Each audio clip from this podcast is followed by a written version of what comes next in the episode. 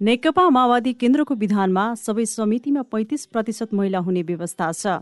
त्यस्तै दलित समुदायका लागि केन्द्रीय कमिटिमा पन्ध्र प्रतिशत सदस्य र अन्य समितिमा भूगोलले समेटिएको दलित संगठनको अनुपातमा दुई प्रतिशत थप गर्ने प्रस्ताव तयारी छ। तर विधान र संविधानले व्यवस्था गरे जस्तो महिला सहभागिता पार्टीमा देखिँदैन। पार्टीको नेतृत्वमा महिला नेत्रीको अनुहार एकाध बाहेक छैनन् तर यसपटक आफूहरू पार्टीको पाँचजना पदाधिकारीमा समेटिने गरी तयारी गरिरहेको बताउनुहुन्छ माओवादी केन्द्रकी सांसद कमला रोका।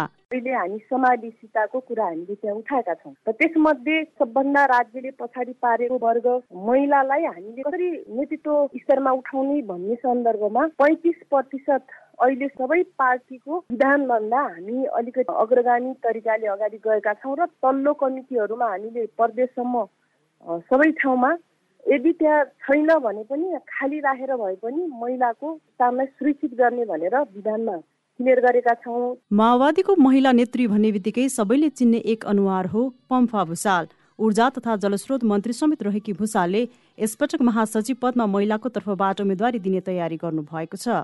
अरू भने खास खुलिसकेका छैनन्। महिला नेतृत्वमा आउने सम्भावना अहिलेसम्म सुनिश्चित भइसकेको छैन। तर पछि मनोनित हुनेमा उनीहरू आशावादी देखिन्छन्। पार्टीको विभिन्न तहमा महिला सहभागितालाई लिएर माओवादीमा मात्र नभई अन्य दलमा पनि प्रश्न उठ्ने गरेको छ। माओवादी नेता एवं सांसद मातृका प्रसाद यादव आफ्नो पार्टीले यसबारे छलफल गरिरहेको बताउनुहुन्छ। सबभन्दा पहिले त हामीले यो जुन सम्मेलन भइरहेको छ त्यसमा स्पष्ट के भएको छ भने युवा दलित मुस्लिम र महिलालाई विशेष अधिकार सहितको चाहिँ मतलब हामीले प्रतिनिधित्व गराउने पदाधिकारीहरूमा मतलब समितिहरूमा यो अनुसारको अगाडि बढाउन सकबरी समुदायहरूबाट बढीभन्दा बढी प्रतिनिधित्व होस् भन्ने हिसाबले हामीले व्यवस्था गरेका छौँ। स्थानीयदेखि प्रदेश स्तरसम्म समावेशिताको आधारमा नेतृत्व चयन भइरहेको माओवादीको भनाइ छ तर राजनीतिक विश्लेषक पुरञ्जन आचार्य पार्टीमा महिला सहभागिताको कुरामा राजनीतिक दलको नारा एकातिर व्यवहार अर्कोतिर देखिएको टिप्पणी गर्नुहुन्छ।